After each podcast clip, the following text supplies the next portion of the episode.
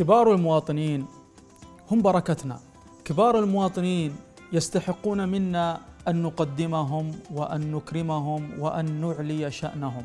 كبار المواطنين هم تاريخنا الذي نعتز به واللي ما له ماضي لا حاضر له ولا مستقبل.